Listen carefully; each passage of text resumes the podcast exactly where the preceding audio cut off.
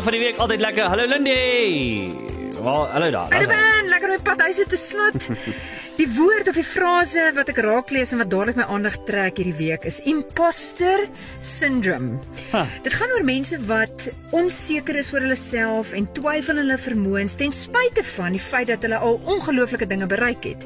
Uh die projek wat hulle afgehandel het was 'n sukses, die kontrak wat hulle gekry het, die nuwe werk of die bevordering. Hulle sien hulle self eintlik net heeltyd as 'n fake en 'n fraud en vrees dat hulle enige oomblik uitgevang sal word en dat mense dan sal besef hulle is nie so oulik of so goed as wat almal gedink het hulle is nie. Sukses, as daar sou wees, skryf hulle af as luck.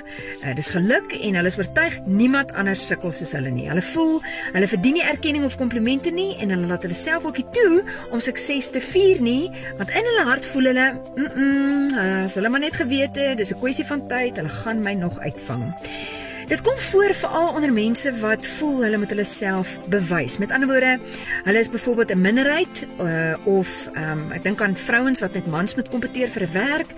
Uh, ek het myself nogal so 'n bietjie in hierdie frase herken en ek dink is omdat ek nie opgelei is vir dit wat ek doen nie. So ek is bang Jong, dink iemand nie ek is bietjie dom of ek ek weet nie wat ek doen nie want ek het nou nie die papiere of die kwalifikasie vir dit nie. Uh voorstelle om daarmee te deel sluit in om vir jou 'n happy file te skep waar jy jouself kan herinner aan die suksesvolle werk of projekte. Ek dink miskien om die gevoel wat jy het of hy vrees net eers 'n naam te gee, imposter syndrome, wat jy sommer reeds verlig voel. Maar ek het vir myself hierdie afgelope week twee ander maniere gevind om met hierdie imposter syndrome te cope. Nommer 1: Erken net wie ek is nie so oulik of goed as wat jy gedink het ek is nie.